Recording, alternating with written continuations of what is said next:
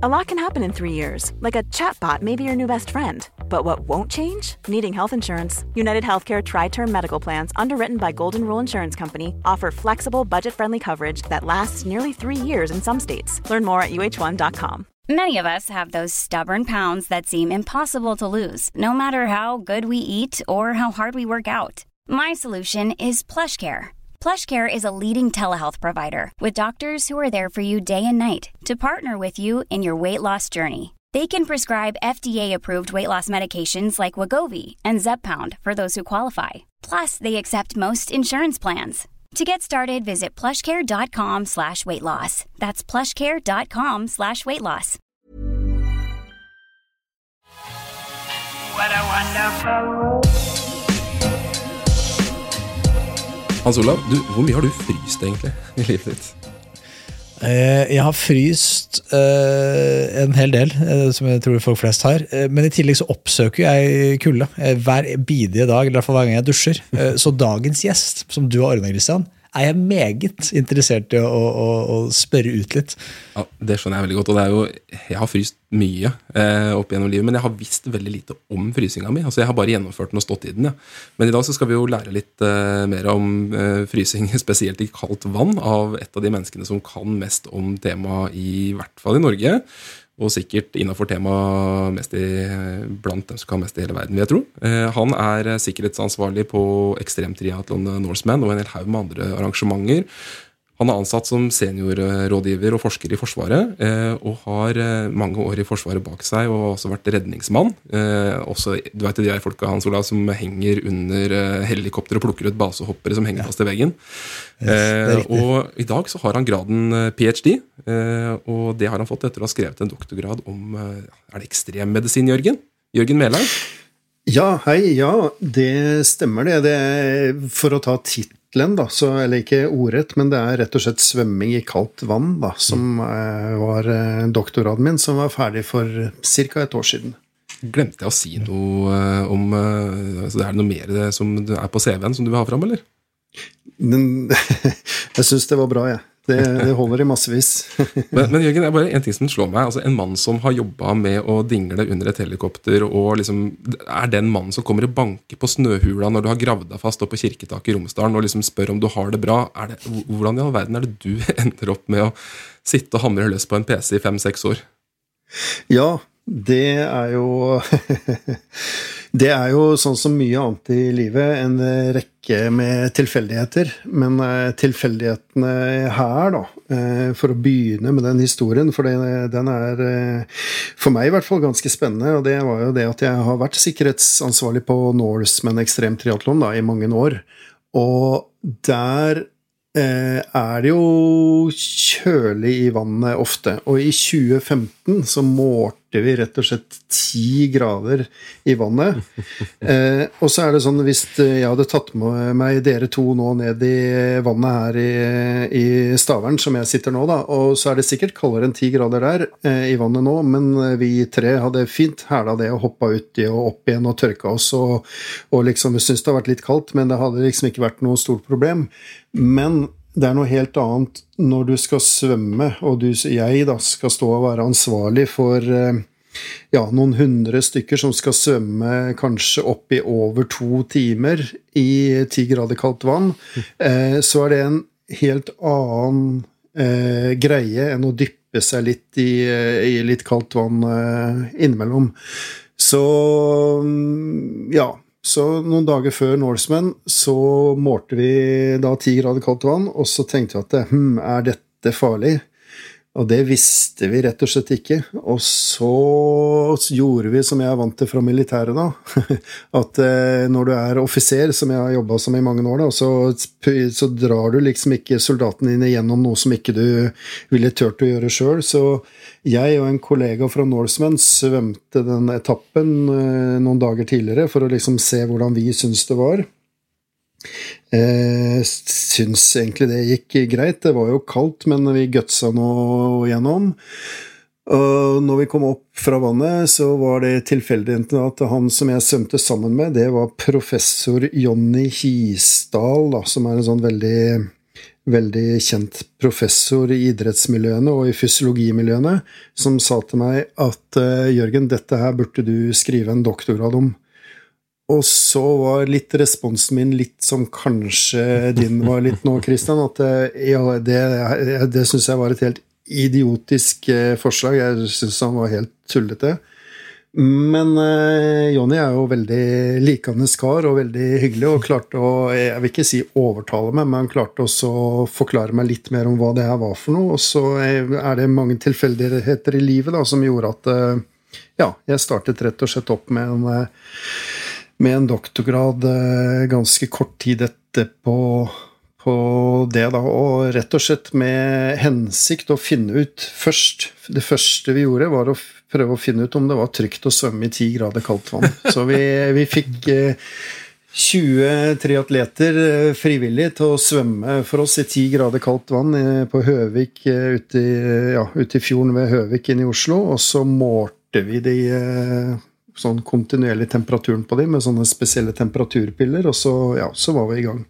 Temperaturpiller, dykk litt inn i ja. det.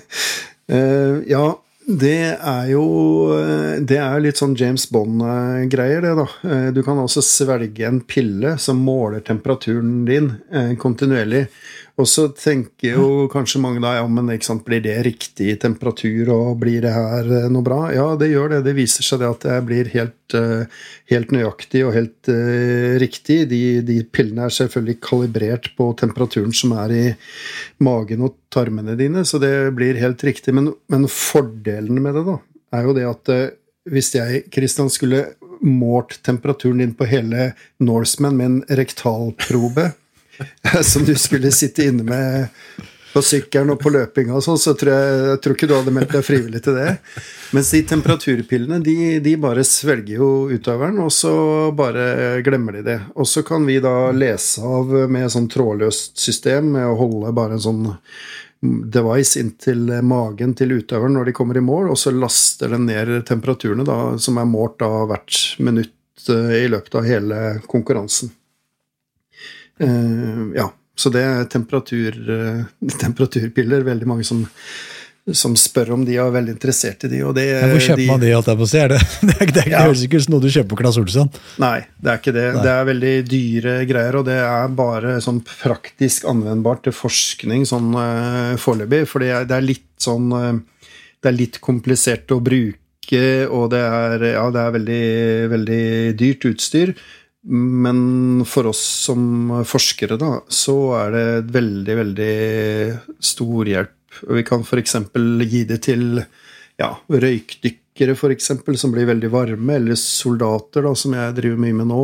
Og, og det er det, de bare svelger det, og så trenger ikke de å tenke noe mer på det. De trenger ikke å ha noe probe i rumpa eller noe som er klistra på huden her og der. Det er bare å svelge en pille, og så er det ferdig. Det er jo et uh, spørsmål som kommer veldig fort. Jørgen. Er det engangs uh, Er det engangs, eller er det flergangs?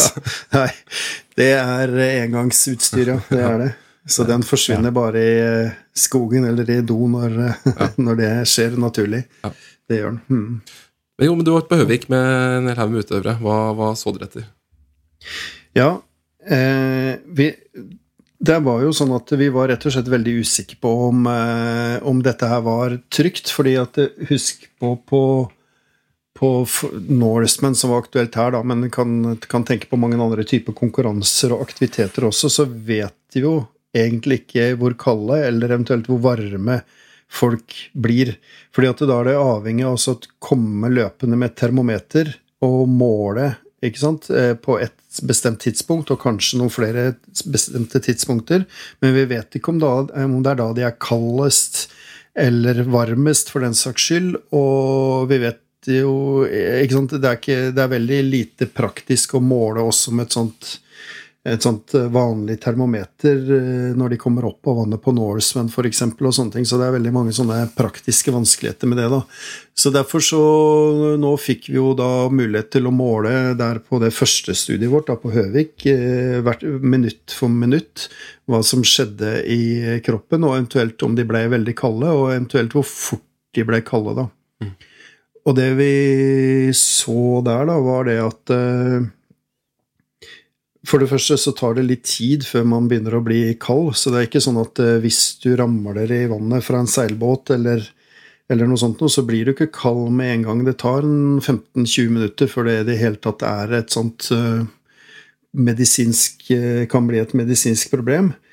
Og det andre, da, som kanskje var enda mer spennende, det er jo at de fleste de fortsetter å bli kalde da, en stund etter at de har kommet opp av det kalde vannet. Så disse utøverne som vi hadde på Høvik, de, de gikk jo opp av vannet, frøys uh, veldig, gikk rett og satte seg i en badstue. Uh, og fortsatte å bli kalde. Det, det kunne vi måle, da. Og det, og det, er nok noe vi har visst om at skjer med enkelte pasienter. For du sa jo at jeg hadde jobba som, som, redningsmann på, i luftambulansetjenesten. Og det, jeg jobba mye oppe i nord, blant annet, i Tromsø og sånn. Og det er, det er nok noe vi har sett på pasienter, eller i hvert fall mistenkt på en del pasienter, at de blir kaldere selv om vi begynner å varme de opp.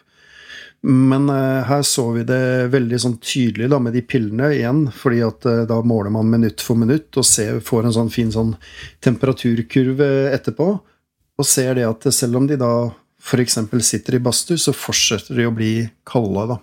Hva, hva er mekanismen bak det? Altså, hva, hvor, hvorfor skjer det intuitivt? Så det er jo jeg tenker jo Når jeg har vært ordentlig ordentlig, ordentlig kald, så er det jo eh, jeg, jeg, tror jo at jeg blir varmere, holdt jeg på å si, når jeg kaster meg i soveposen og fyrer opp primusen i teltet, f.eks. Men eh, altså, hvor, hvorfor fortsetter temperaturen å synke?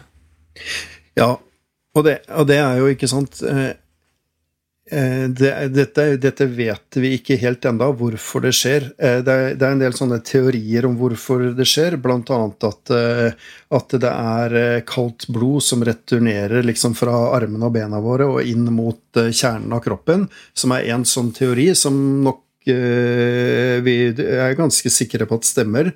Men det er noen andre som nok er litt mer sånne kompliserte fysiologiske teorier rundt om det, som nok virker sammen. Da. Så det er på en måte flere mekanismer. Men, men, det er ikke sånn at vi kan si med sikkerhet at vi vet det er disse tinga som skjer ennå. Det, det, vet vi egentlig ikke helt ennå. Men, men det som er mye mer interessant da, for sånne som meg, som har veldig mye praktisk eh, erfaring og praktisk eh, bakgrunn, er jo det hva, hva, betyr dette for utøverne? Eller for den saks skyld for, eh, for soldater eller ja, pasienter, for den saks skyld. Hva betyr det? Jo, hvis du tenker deg en triatlonutøver, når han kommer opp av vannet, han eller hun eh, så går det kanskje 15-20 minutter der de fortsetter å bli kalde. Og da er jo de langt ute på sykkeletappen. Eh, og du har jo sykla sjøl, Christian, på Norseman oppover i Måberdalen der. Og det er, det er, jo ikke normalt veldig varmt der i utgangspunktet. Og så er det blitt litt kald i vannet, og så blir du enda kaldere på vei ut på sykkelen. Men da, og da er du i en ganske sånn kritisk fase, hvis, hvis, jeg skal tenke som sikkerhetssjef. Da Da er du i en litt kritisk fase, fordi at det å håndtere styre, bremser og en del sånne ting, det blir Altså det Vi kan medisinsk forklare da, at det blir vanskeligere i den første perioden der som du er ute på sykkel. da. Det er godt det ikke går rett ut i utforkjøring, altså. Ja, det er veldig, veldig godt. Det er jo selvfølgelig bare tilfeldig, fordi at hele den Norseman-konkurransen Den er jo Jeg skal ikke si den er tilfeldig laga opp, det, det, det, men den er den ble, den ble som den blei, av en, av en veldig, veldig flott tilfeldighet, da. men, men, bare et spørsmål der, altså, Apropos starten på Norseman. For jeg, jeg, var jo ikke med i 2015. Da sto jeg på land sammen med deg, sannsynligvis, eh, og titta på utøverne som kom inn, eh, og, og, var support.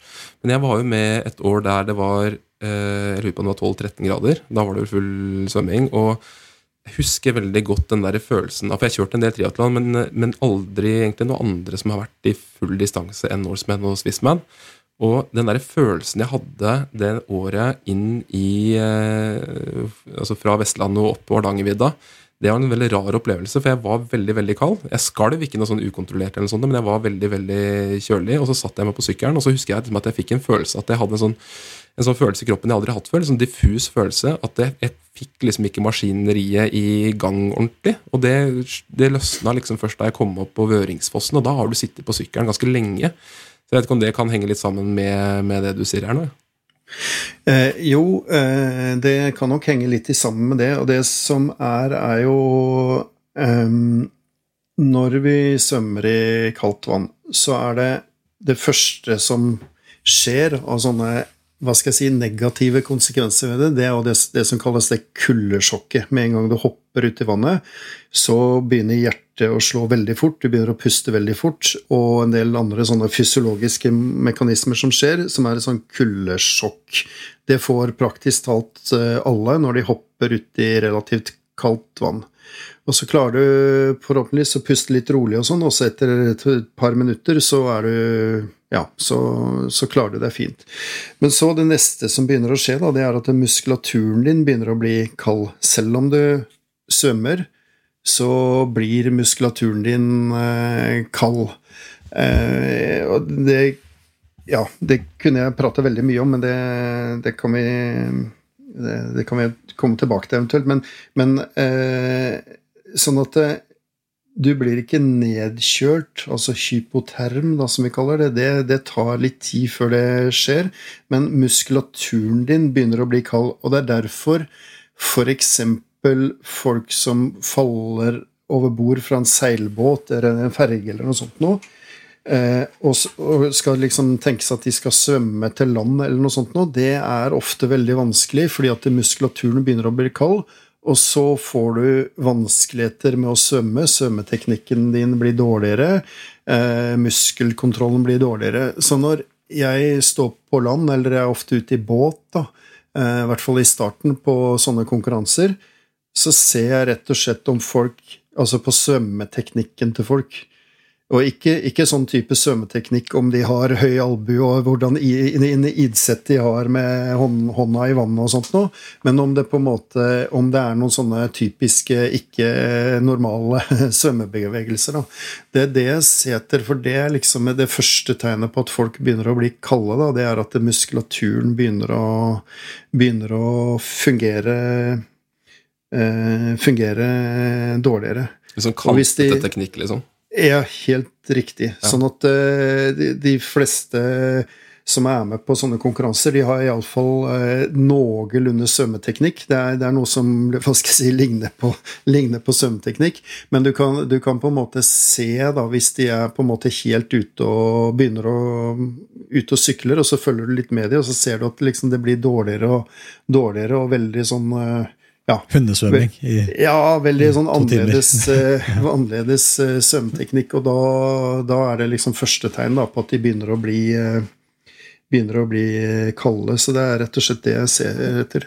Nå, men Hva er definisjonen på hypotermi? Jeg, det begrepet har jeg hørt brukes mye sånn, men det må jo være en medisinsk definisjon?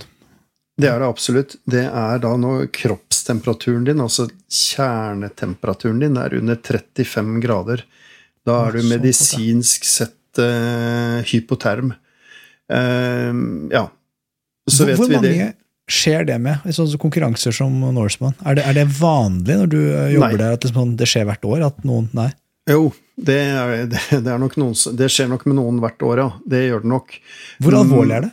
Nei, Det er jo litt sånn um, avhengig av hva slags situasjon du er i. Men når du er frisk og hva skal jeg si, oppegående, som jo alle de på Norseman er, så går nok det fint å ha en kroppstemperatur på rundt 35 grader. Og det, det er flere som har hatt eh, godt under det som vi har måla. Til og med på det studiet vårt på Høvik så var det noen som var nede i 33 grader. Eh, men, eh, men som Altså, bakgrunnen min er jo da fra, fra redningstjenesten og helsevesenet. og det er veldig mange sånne skadelige effekter på kroppen eh, som skjer eh, før du blir så kald som 35 grader. Altså. Så hvis du nå, går jeg litt inn på dette med redningstjeneste, da, men hvis du, hvis du, har en person som har falt ned fra et fjell og skadet seg, brukket benet eh, eller andre typer sånne hodeskader eller hva det skal være for noe, da er det veldig kritisk å bli eh, kald. Fordi det som skjer da, nemlig, er at du blør mye mer. Um, Du, så blir, derfor- du blør mer når du er Det kald. også er kontraintuitivt. Jeg ville tro at, at blodet liksom flyter bedre når det er varmt. Men det er, Jo, det eh, Ja, nå skal jeg se, nå skal vi bare holde tunga rett i munnen her, men, men det, er- det er jo eh, Det er fordi at eh, disse Dette her lærte Dere lærte dette på ungdomsskolen, skjønner du, fordi at for der, der lærte dere om enzymer. Og når vi begynner å blø, så er det sånn at eh, da kan jo hvis du, hvis du kutter deg litt i kniven med, på en kjøkkenkniv, så kan jo du legge den andre fingeren din på, og så stopper jo den blødningen etter hvert ikke sant, av seg selv. Eh, fordi at blodet koagulerer. Altså det har en egen sånn levringsfunksjon som, som gjør at blødning stopper litt av seg sjøl. Eh, men den levringsfunksjonen den er styrt av enzymer, og enzymer lærte de om på ungdomsskolen. De, de er nemlig sånn at de fungerer best ved en bestemt temperatur, og disse enzymene fungerer best ved 37 grader. Så når det blir kaldere, så fungerer den blodlevringsfunksjonen dårligere, og dermed så blør du mer. Så derfor er det sånn nå de siste årene så har liksom livreddende førstehjelp da, det har forandret seg litt. Fordi at eh, nå alle vi som jobber med, med akuttmedisin og redningstjeneste og sånn, vi er veldig, veldig, veldig opptatt av å holde pasientene varme. Fordi at eh, hvis de er kalde, en som har vært i en trafikkulykke f.eks., hvis han eller hun blir kald, så er liksom dødeligheten veldig mye høyere. Fordi at, og det er rett og slett fordi at de blør mer. Nå er det helt sikkert noe helsepersonell som hører på den podkasten her, og det, det her er liksom kraftig overforenkla fysiologi, da, men, men jeg tror det er litt viktig at, eh, at alle forstår eh, akkurat det her, da. Fordi at eh, det å holde en person som er skadet varm, det er rett og slett et livreddende tiltak nå, da. Men tidligere så tenkte vi på en som, eh, som eh, lå i snøen og hadde litt vondt. At vi tenkte det å gi de et teppe, det var sånn omsorgstiltak. At vi skulle passe på at ikke de frøys og sånn. Men nå, det, nå anser vi det som et livreddende tiltak. da, Å holde, holde skadde personer varme. Nå har jeg snakka meg Nå er vi, tror jeg vi er langt unna det du spurte om, Christian. Men eh, Nei, jeg tror- jeg tror vi å dra oss på plass igjen. Vi har tatt en, vi har tatt en fin loop nå. Eh, altså det her med, nå har vi vært innom hypotermi, og så har vi sett litt hva som skjer når du forlater vannet. Men, men eh, hvordan utvikler eh, kuldegrafen seg idet du hopper uti og svømmer? Altså på, på Norseman da, så er det jo sånn at de aller aller, aller raskeste de er oppe av vannet på sånn hva er det der, Jørgen? 55 minutter eller noe sånt. Nå. Ja. Og det tregeste, hva er cutoff-tida? Hvor, hvor lang tid får du lov til å bruke? Ja, det er to timer og ti minutter. Det er lenge å bade. Det er lenge å bade Ja. generelt, det. I Ja, ti det- grader, så er det Ja. Ja, og, og, Men hva, hva skjer med altså Hvordan ser grafen ut idet du hopper uti, og liksom fra du går uti til eh, Og så har vi skjønt nå at tempen fortsetter å synke når du kommer ut av vannet, men, men hva, hva Mm. skjer eh, når du hopper uti, og når du, når du bader, da? Ja, med kroppstemperaturen, tenker du på, ikke Ja. sant? Fordi at eh, det, det som vi har, For vi har jo gjort dette her på Norseman nå. Eh, nå fortalte jeg på en måte bare om den første studien på Høvik, men vi har jo gjort dette her med Norseman-deltakere også, ca. 70 stykker eh, over noen år, som vi har målt med disse pillene under konkurransen. Og det som er litt, litt sånn kjedelig for oss, eh, ikke kjedelig, men eh, som er eh, det, det er det at eh, det er nesten vi, vi klarer ikke å predikere, da. Vi klarer ikke å forutse hvem som blir veldig kalde, og hvem som liksom klarer seg veldig bra. Fordi at eh, disse temperaturkurvene, de spriker på en måte i, nærmest i alle retninger. Eh, For vi tenkte det at vi ville se at de som var ganske hadde lite fett på kroppen og sånn, de ble mye kaldere eh, og en del sånne ting, men det, det klarer vi ikke å se enda. Det kan godt hende at det er en del sånne sammenhenger, men vi har ikke klart å se det i de studiene våre. da. Men en av de tinga som er veldig tydelig, da, det er det at det er praktisk talt ingen da, som blir kalde de første 15-20 minuttene. Eh, sånn at Det er ikke sånn at du blir, begynner å bli kald med en gang du hopper ut i vannet. Det tar en sånn 15-20 minutter før det i det hele tatt begynner å bli et eh, be, eh, Før det i det hele tatt liksom, temperaturen begynner å, begynner å eh, endre seg, da. Eh, noen eh, blir varmere. Det er relativt vanlig. En del folk som blir varmere. Noen blir varmere i løpet av hele konkurransen. Blir bare varmere og varmere mens de svømmer. Eh, mens noen blir da ja, veldig kalde. Men akkurat sammenhengen, da, det har, vi ikke, det har vi ikke klart å finne hos oss da, enda. Så det du sier, Men- Jørgen, er egentlig det at når, når, du er på, eh, når du er på hyttetur eh, i, i mai, og noen skal bryske seg litt og hopper ut i bader, og så er de tre-fire minutter uti og tar noen svømmetak, og så kommer de opp og, og hutrer og fryser, så er det, da kan du faktisk kontre med å si at vet du, du, du har sannsynligvis blitt varmere, du, siden du hoppa uti. Ja, det, det er nok eh, riktig, det, altså. Og det, den kulda du eh, har da, det, det er en følelse. det er rett og slett. Men jeg må bare, jeg må bare presisere det, fordi at eh, det er jo det er blitt veldig populært med sånn badstueflåter og sånn, og vi har fått eh, flere, som annet her i Stavern og inne, i Oslo, så ser jeg de ligger liksom langs hele, langs hele sjøsida der, nesten. Men i hvert fall så Det er en For noen, da, så er det akkurat det der å hoppe uti kaldt vann.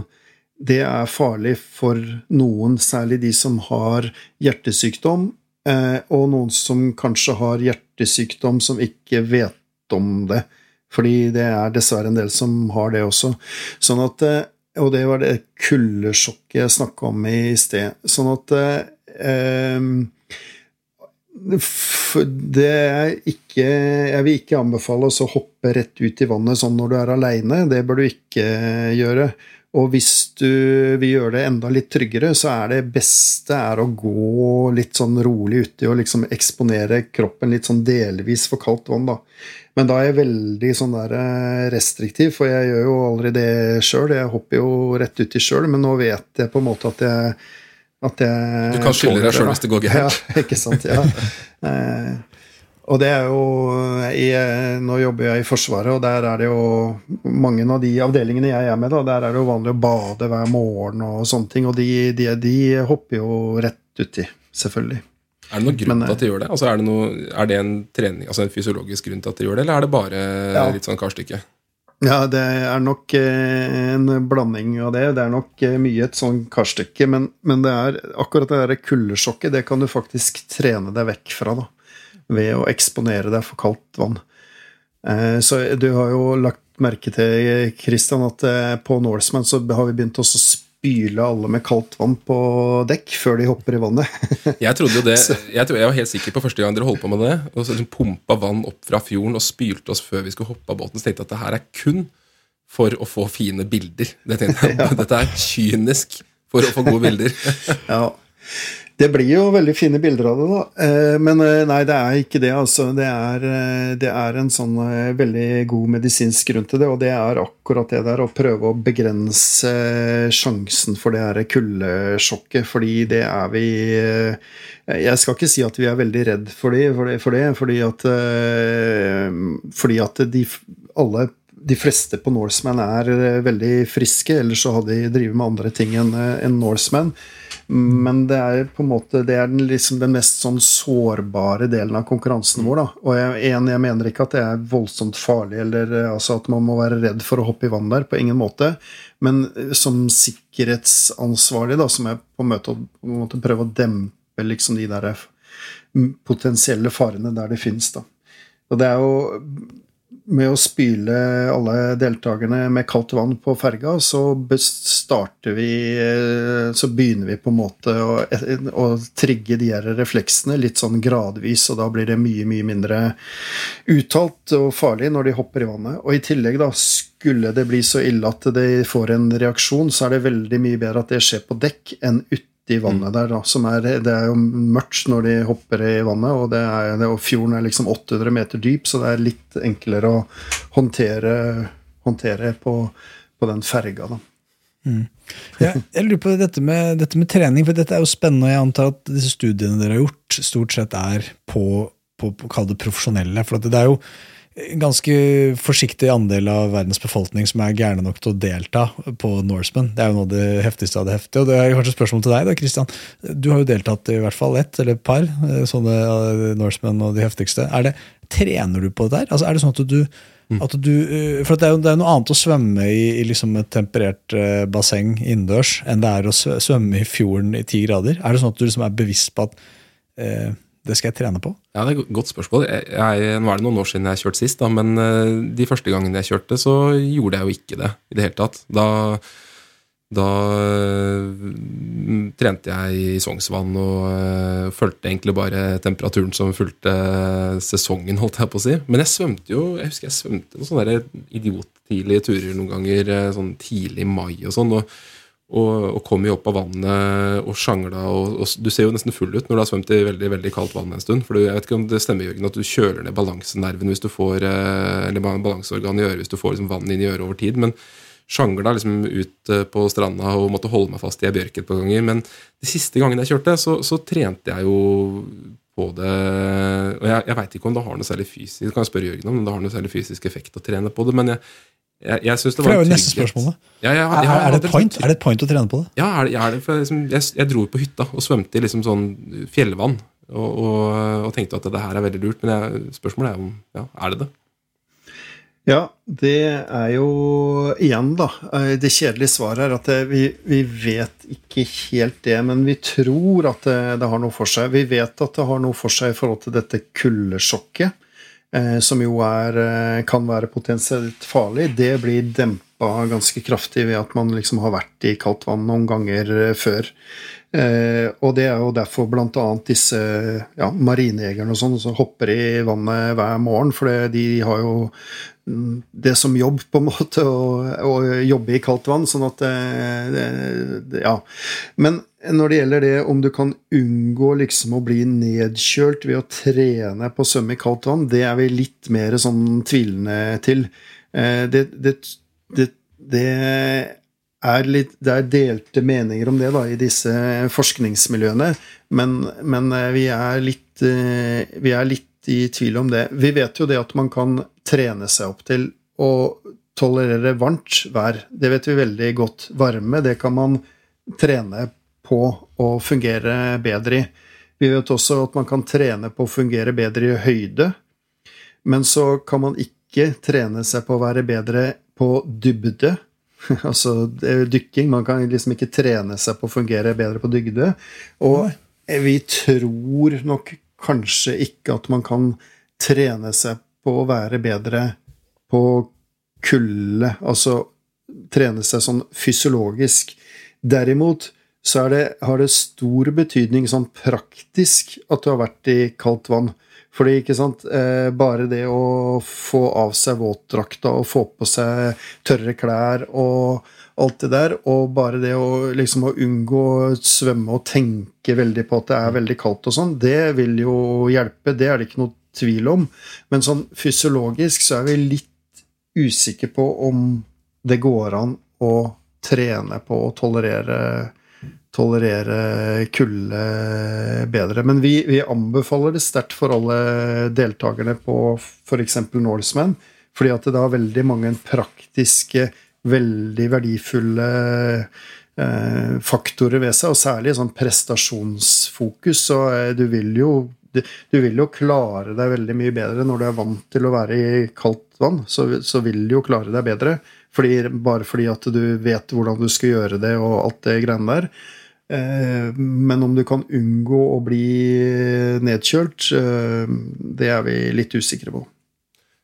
Men eh, du, du nevnte jo det her med at det ikke nødvendigvis har noe sammenheng mellom å, å være litt god rund og ha litt godt med fett på kroppen. Eh, Men hvis du er liksom godt muskla, altså, vil det ha noe å si? Eller hvis du er stor, altså hvis du har et stort overflateareal Jeg husker jeg, jeg tolererer jo varme ekstremt dårlig.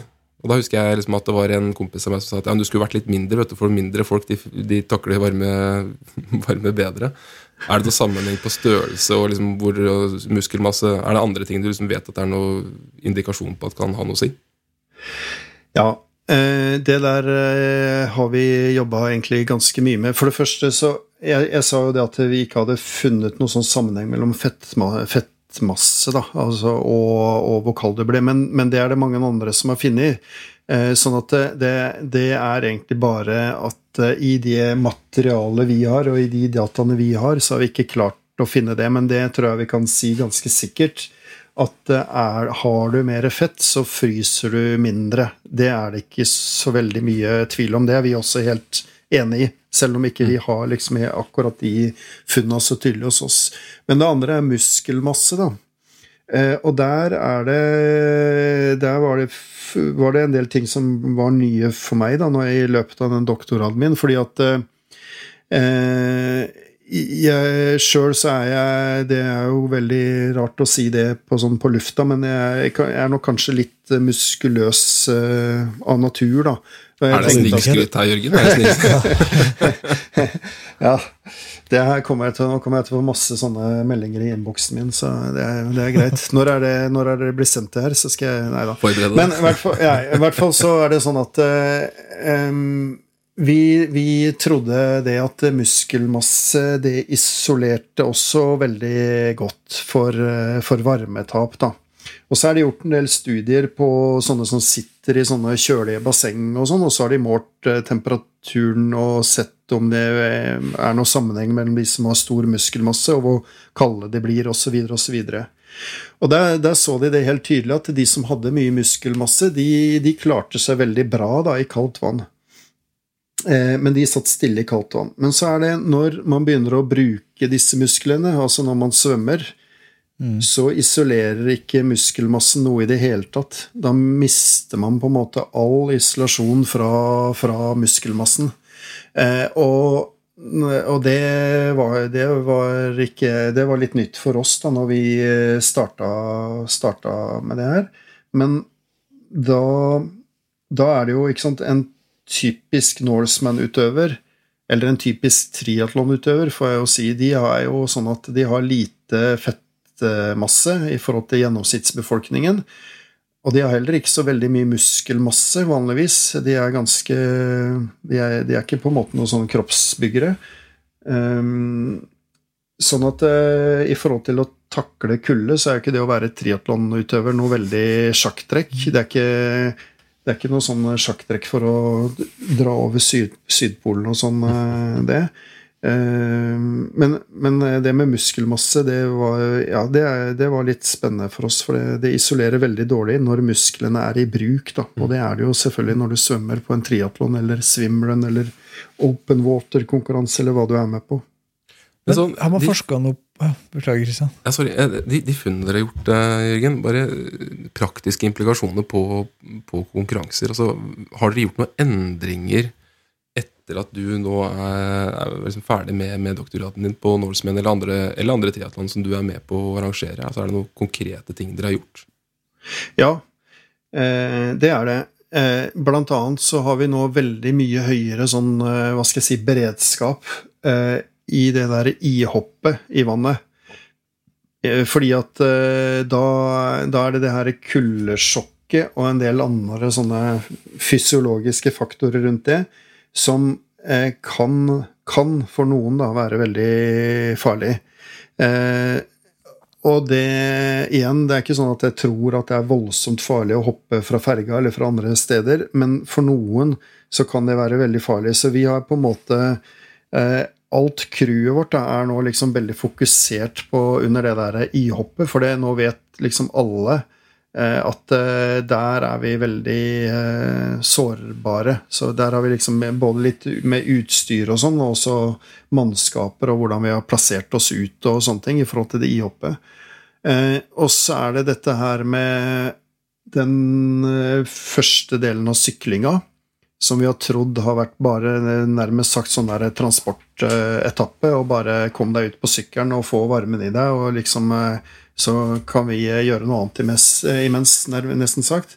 Eh, sånn er det ikke, fordi at der vet vi det at man er litt mer utsatt for sånn type sykkelhåndteringsfeil. da. Så å bruke, altså, ja, man kløner litt mer på sykkelen, rett og slett.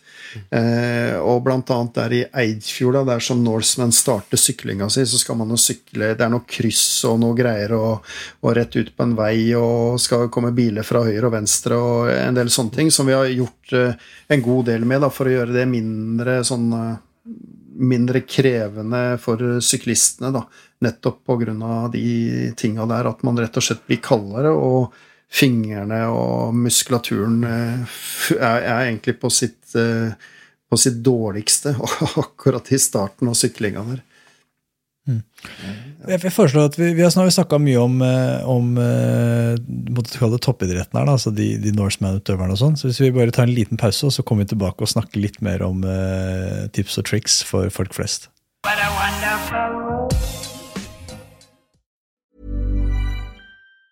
If you thought the only way to get a more defined jawline with natural looking results was through surgery, think again. Juvederm Volux XC is a non surgical injectable gel filler that improves moderate to severe loss of jawline definition and can help you achieve natural looking results with little downtime. Even better, this improved definition lasts up to one year with optimal treatment. No maintenance required. Improve jawline definition for a smooth, sculpted look with Juvederm Volux XC. For important safety information and to find a licensed specialist, visit juvederm.com. That's J U V E D E R M.com. Not for people with severe allergic reactions, allergies to lidocaine, or the proteins used in Juvederm. Common side effects include injection site redness, swelling, pain, tenderness, firmness, lumps, bumps, bruising, discoloration, or itching. There's a risk of unintentional injection into a blood vessel, which can cause vision abnormalities, blindness, stroke, temporary scabs, or scarring. Talk to a licensed specialist specialist to find out if it's right for you. There's never been a faster or easier way to start your weight loss journey than with PlushCare. PlushCare accepts most insurance plans and gives you online access to board-certified physicians who can prescribe FDA-approved weight loss medications like Wigovi and Zepbound for those who qualify. Take charge of your health and speak with a board-certified physician about a weight loss plan that's right for you. Get started today at plushcare.com slash weight loss. That's plushcare.com slash weight loss plushcare.com slash weight loss. What a wonderful Vi har hørt om, eh, om, eh, hvordan dette med kulde påvirker eh, topputøvere, deltakere i Norseman. Eh, men denne forskningen her er jo, det er jo et generelt element her antar jeg. da. Så En ting jeg tenkte på underveis her, det er jo helt sikkert, som du, du nevnte jo litt at det er individuelle forskjeller inn, innad i en gruppe. Men vet man noe om ulike grupper? Man snakker om muskelmasse og fettmasse, og sånn, men, men det finnes jo mye større grupper her. Hvis man begynner å tenke alder, man tenker kanskje spesielt kjønn.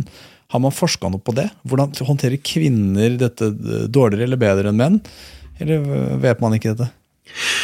Ja, der eh, kommer du inn på noe som er eh, nesten litt vanskelig å snakke om. Men eh, nei da, det er ikke det. Det, er, nesten, det er, mer pinlig å prate om, fordi at kvinneforskning og fysiologi, da, eller jeg tror nesten jeg kan si kvinneforskning i det hele tatt, er jo veldig, veldig mangelfull. Eh, og, det, og, det, er jo dessverre blitt eh, Eller vært sånn, vil jeg si. For det, det blir gradvis eh, bedre, ser det ut som. Men vi vet altfor lite om kvinner. Men det tror vi eh, på akkurat det her kan ha en stor innvirkning. Eh, de tinga jeg har eh, forska på eh, nå, nå er ikke det noe unnskyldning i det hele tatt, fordi jeg, det er ganske, jeg syns det er veldig kjedelig at det er sånn, men Norseman, der er det ikke veldig høy kvinneandel, så det å få på en måte nok kvinner til å være med, som gjør at liksom vi kan sammenligne, da, det har, det har vært vanskelig. Men det jobber vi ganske hardt med å, å løse. Også den andre delen av doktorgraden min, da, og også, også ja, en del av forskningen min har vært på Marinejegerkommandoen, og det er ikke spesielt mange kvinner der heller, dessverre. Sånn at eh, for min egen del så har det vært litt lite eh, tall på kvinner, men vi vet at eh, at eh, det har en del å si. Og en av de tinga som eh, er litt interessant, men det er kanskje ikke i det sånn direkte medisinsk perspektiv. Men det er jo fordi jeg fikk sånn spørsmål her, jeg har fått flere ganger sånn spørsmål om de her badstueflåtene og det som er blitt veldig populære nå, da.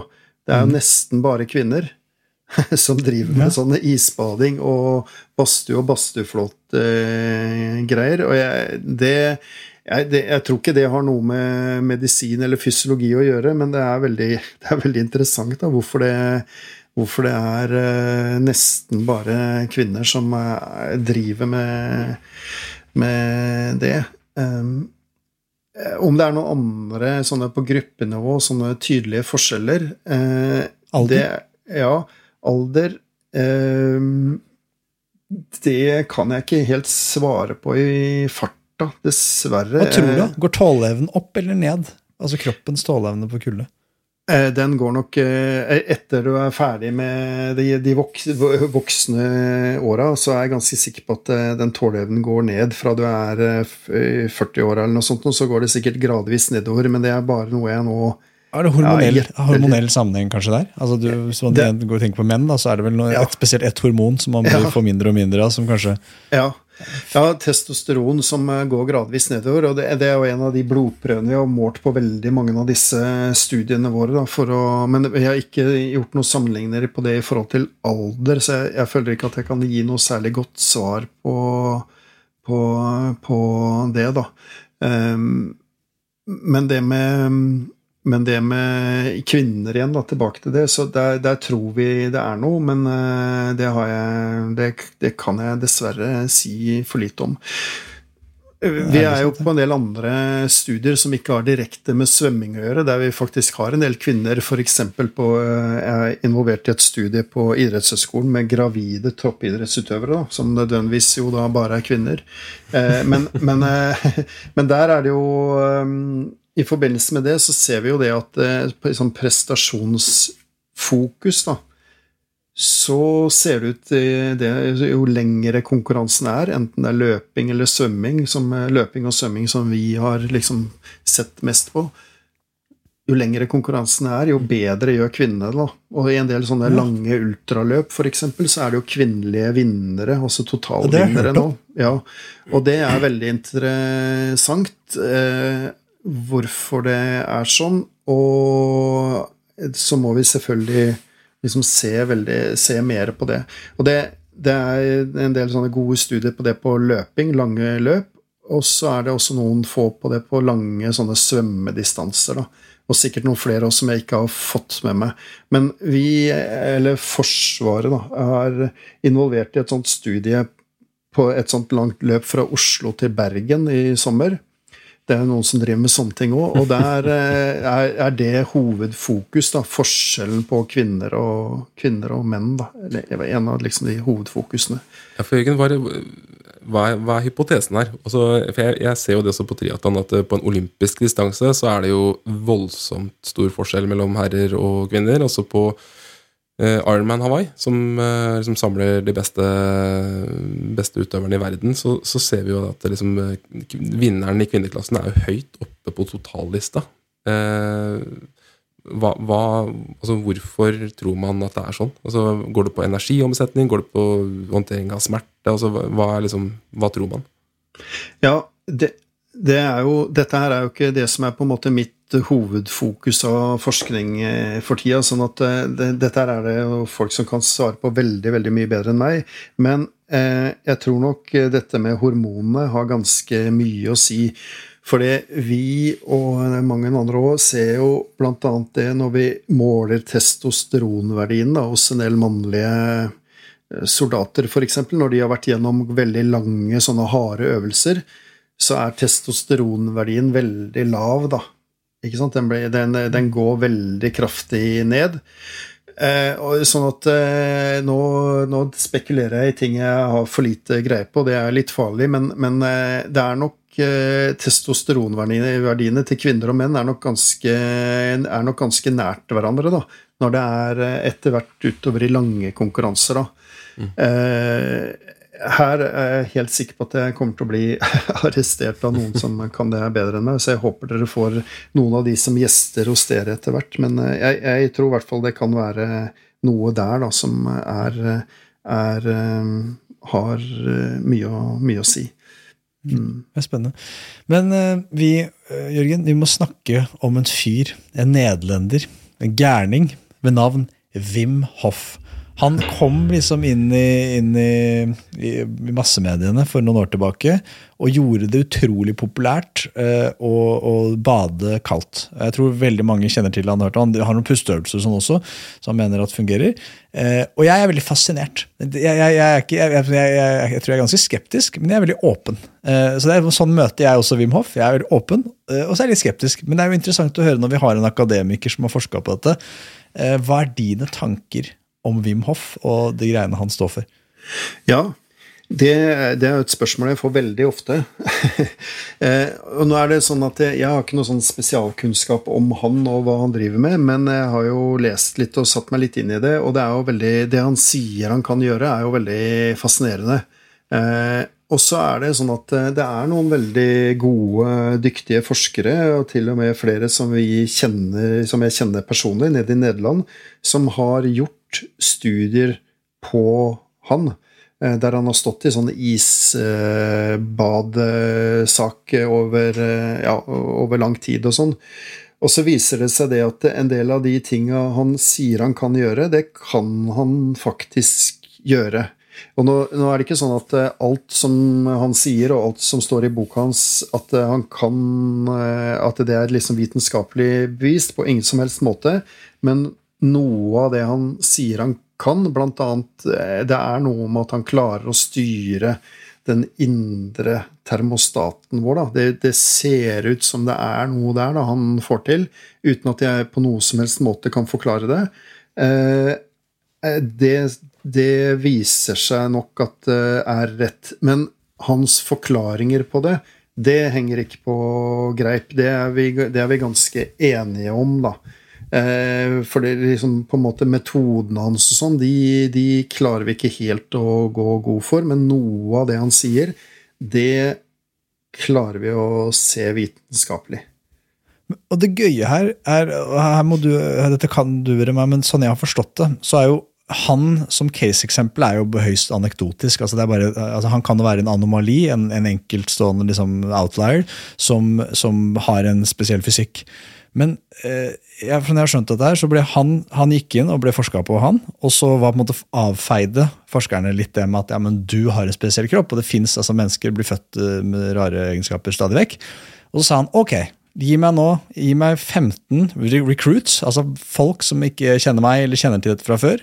Så, og gi meg en måned med de, og så skal dere teste på dem. Og jeg kommer til å få de til å klare det. Og så ble det, ble, gjorde man det samme studiet på disse 15, og så var det sånn 13 av 15 eller sånn som, som klarte det han sa.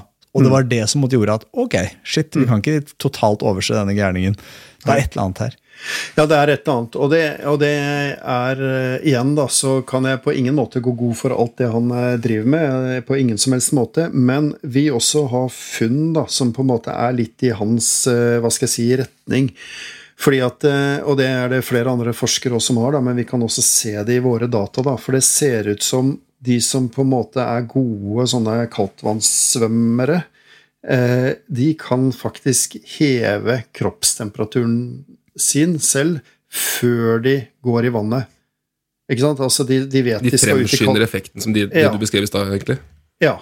Så de vet at de skal ut i kaldt vann, og da blir rett og slett kroppen deres varmere mens de står på land og venter på å gå i vannet. Og det er ikke noe med at de varmer opp eller noe sånt, for det gjør de ikke.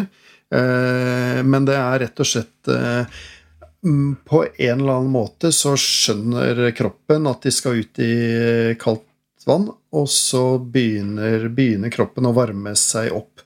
Og disse som vi har målt på, og som igjen da andre forskere har målt på, de eh, gjør ikke noen spesielle teknikker. Eller, altså, de vet ikke om det sjøl engang, men vi kan se det når vi leser av liksom, temperaturen etterpå. At oi, her, her blir jo folk ikke, ikke, alle, men folk, eh, her er det folk som faktisk blir varmere før de skal ut i vannet. Og det, da står de jo på brygga i bare badedrakta i, ti 10 minusgrader eller, eller 5 plussgrader, eller hva det er for noe. Og likevel så liksom Ja, det, det, er, det er, forskjellige varianter av hvordan de, de starter opp, da, men, men det, det, er veldig tydelig da, at det er ganske vanlig for en del da, å varme seg opp helt ubevisst da, før de går i vannet. Og det er nok noe i hans uh, hva skal jeg si, ånd, eller hva man skal si.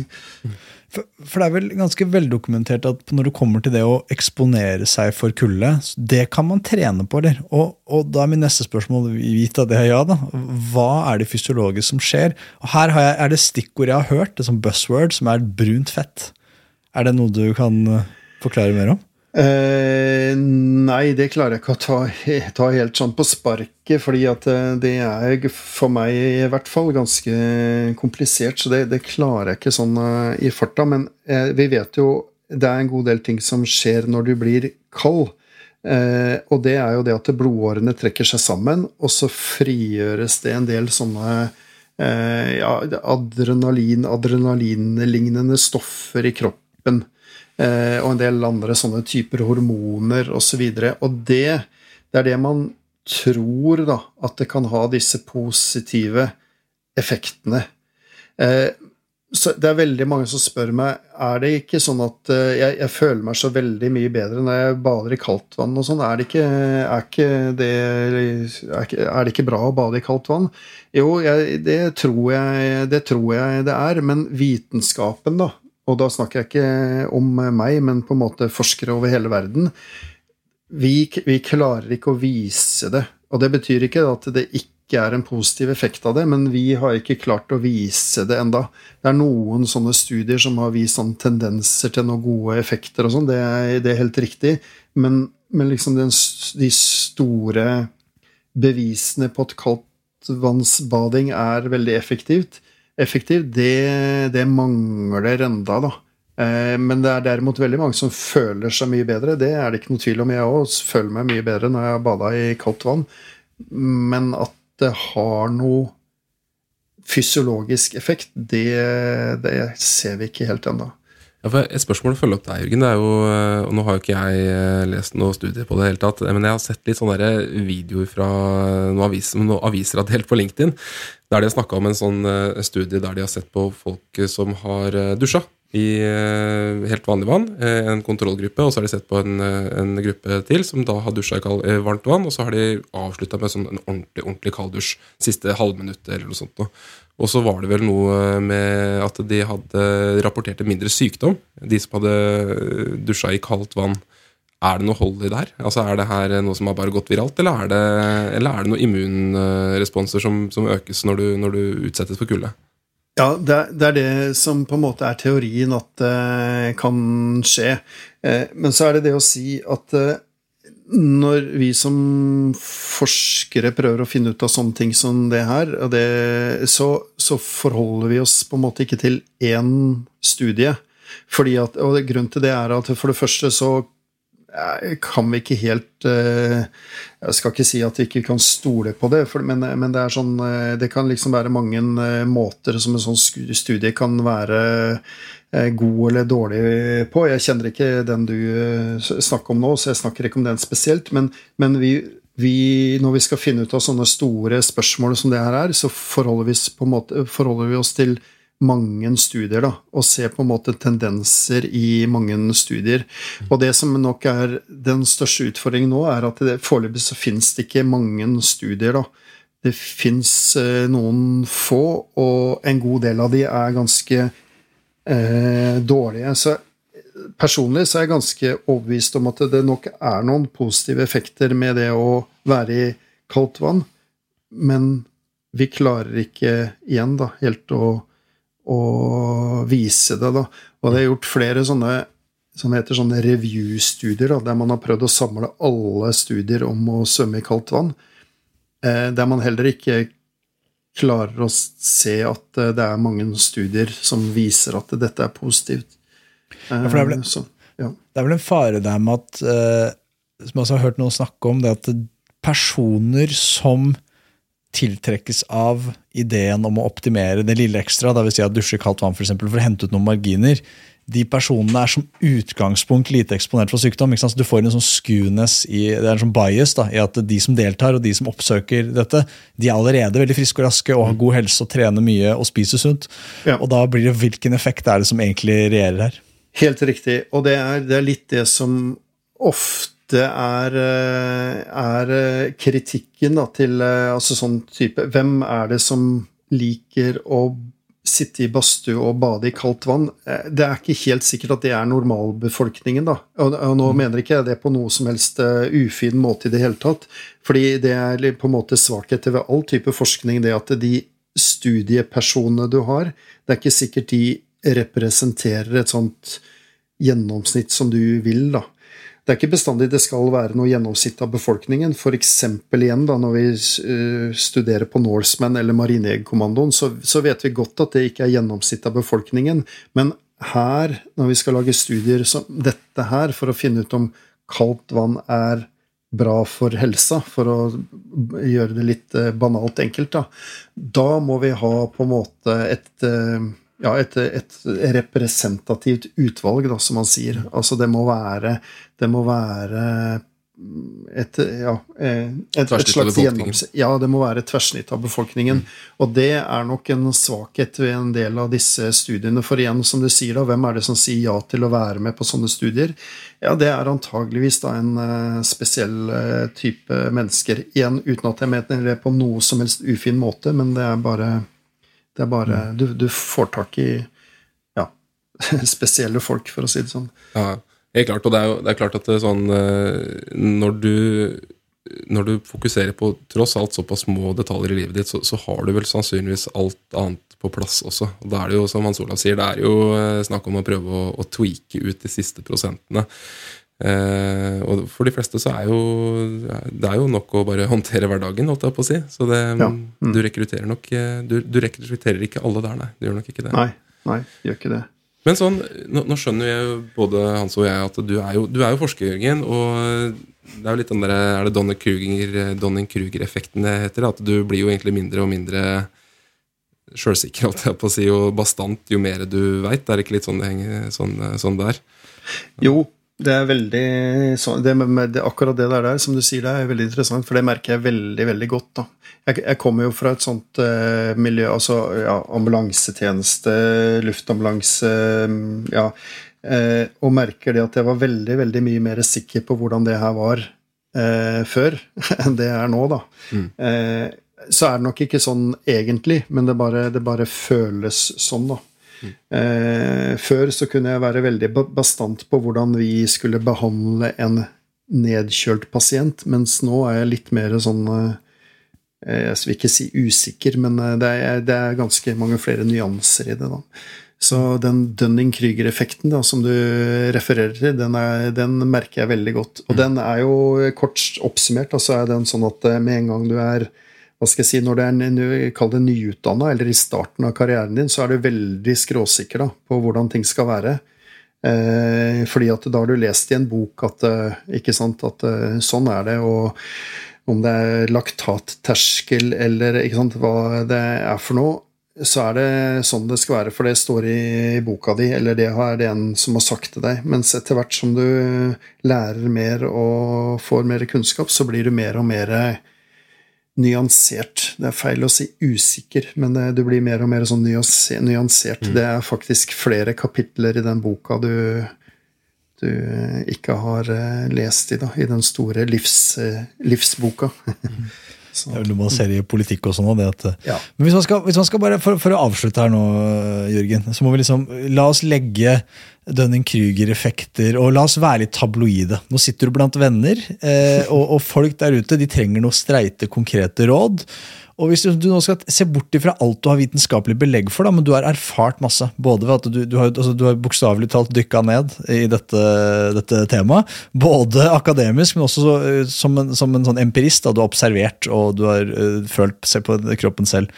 Hvis du skal gi folk der ute noen konkrete råd, som de kan, enkle ting man kan implementere i sin egen hverdag, da, hvis man har lyst til å forske og eksperimentere litt på dette, for å teste om, om en selv eh, kan få de positive effektene som alle andre der ute snakker om, er, har du noen konkrete tips på hva, vi kan begynne å gjøre i morgen? liksom?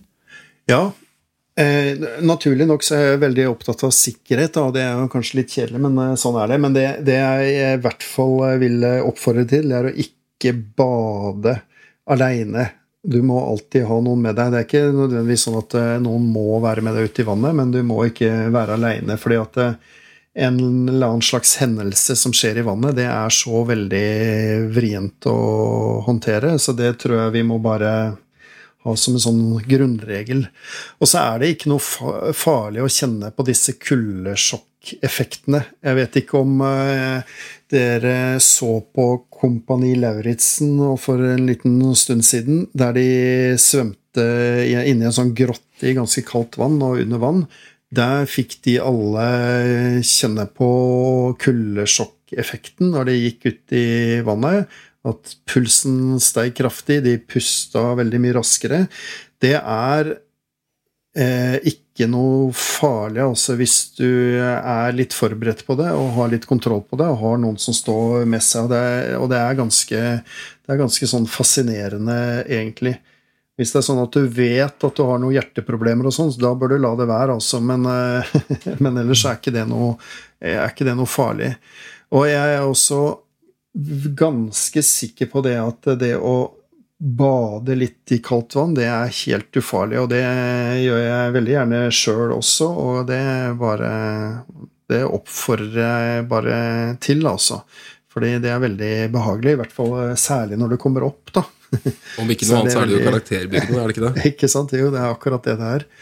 Så ja. Altså det, det, er jo selv, da, det, det har jeg gjort i mange år. Altså det begynte vel med at jeg, altså jeg sitter og nerder på ting og har kommet ordentlig dypt inn i et eller annet nettforum sannsynligvis for syv-åtte år siden. Og så eh, Wim Hoff og så videre. Og så begynte jeg å tenke hvordan jeg kan jeg implementere dette i mitt eget liv. Det å det å liksom flytte til, eh, til, et sted eller ha en egen sånn kuldekolp i hagen, og sånn, det var liksom ikke på bordet. i hvert fall ikke på det tidspunktet.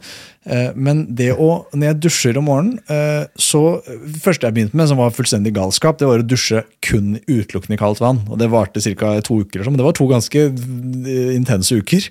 Det funka ikke lenger, for å vaske håret sånn i kaldt vann det er altså så jævlig at det anbefaler ingen å gjøre. Men det jeg gjør nå, da, og det som har vært bærekraftig i livet mitt, det er å, etter jeg er ferdig med min vanlige dusj, så, så har jeg en greie på at jeg, jeg, har ikke lov å gå ut av den dusjen og ta dagen før jeg har vridd over til kaldt. Og så står jeg der og teller jeg sånn sakte til ca. 30, litt avhengig av dagsform. Og sånn, så, og så hodet over en gang, får litt vann i håret og på i knotten, liksom. Og når jeg da går ut av dusjen, så er det litt sånn da er jeg klar. altså. Da kan jeg ta på på dagen. altså hvis jeg, Kan jeg wrestle en krokodille hvis den var i rommet? liksom. Er, og, og, den følelsen og så vet jeg at det, som du sa der, og sagt her, at det er begrensa med liksom evidens, da, vitenskapelig evidens for at dette er bra. Men den følelsen den kan ingen ta fra meg. Altså. Det kjennes jævlig bra. Og, og, så merker jeg også de gangene hvis jeg har vært periode, hvis jeg har vært på ferie eller vært borte hvor, hvor liksom ikke har vært på bordet og drive og dusje kaldt i dagevis, så, så, merker jeg første gangen jeg da skal dusje kaldt igjen, etter en uke f.eks. Det skal ikke mer til en uke. Da er det mye verre. Da er, det sånn, da er jeg tilbake til den der, Men når jeg er inne i liksom rytmen, da er det ikke så ille. Jeg kan puste helt rolig. og liksom, okay, altså det er liksom, Jeg kjenner at det er noe kaldt vann på kroppen. Men ikke noe liksom, Det går helt fint. Ja, jeg er helt enig, og det, jeg gjør det ofte sjøl også. og Det er absolutt uh, noe jeg kan uh, anbefale alle å gjøre. For man skal ikke underslå den her veldig, veldig gode følelsen da, uh, som gjør at du liksom griper dagen på en helt annen måte. Og det er selvfølgelig veldig, veldig viktig. Og som jeg også opplever sjøl når jeg gjør det her Jeg gjør det ikke hver dag, jeg da, men innimellom. Så det er fantastisk deilig. Jeg er helt enig. Jeg har hatt noen sånne perioder der jeg har eh, hoppa i havet også eh, hver morgen og sånn, eh, særlig i, ja, i Forsvaret og sånn. Det, det er jo en veldig fin start på dagen, det også. Absolutt. Jeg, jeg, tror jo Det her er jo bare magefølelse, selvfølgelig, men jo, jeg tror liksom at det, det derre livet vi lever nå som er så komfortabelt og repetativt og, og, og kjipt, da, der vi sitter og er varme og mette og sover ni timer om natta, og vi, altså alt er på stell, da, tror jeg liksom vi trenger litt de der kontrastene. Ja. Det er jo om det er å fryse litt ordentlig en gang iblant og være litt sulten en gang iblant og slite litt hver dag og liksom kjenne litt på de ytterpunktene av hva det betyr å være menneske. Da. For det, vi løper jo ikke fra noen løver, og vi, vi har tak over huet. Liksom, jeg tror det der å komme litt i kontakt med det der, hva som er faktisk, faktisk er å være menneske, for det har vi bevega oss veldig langt vekk fra. Så sikkert vanskelig å liksom finne noe kvantitative tall på, på alt det der. men det er vel en grunn til at kroppen føles best når du har brukt deg litt, og når du har fryst litt og blitt varm igjen, og kanskje har vært veldig varm og får tilbake kroppstemperaturen i riktig retning. da. Mm. Helt enig. Helt enig.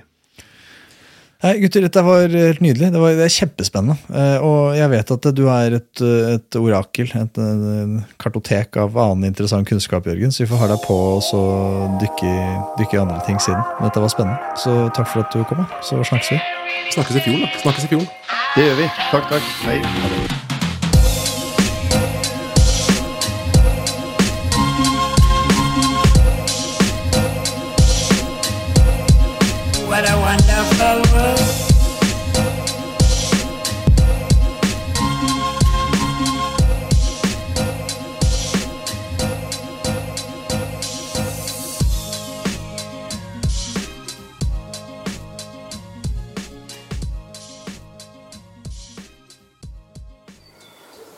Gode dager.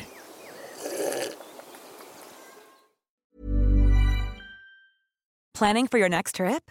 Elevate your travel style with Quince. Quince has all the jet setting essentials you'll want for your next getaway, like European linen, premium luggage options, buttery soft Italian leather bags, and so much more. And is all priced at 50 to 80% less than similar brands. Plus, Quince only works with factories that use safe and ethical manufacturing practices. Pack your bags with high-quality essentials you'll be wearing for vacations to come with Quince. Go to quince.com slash pack for free shipping and 365-day returns.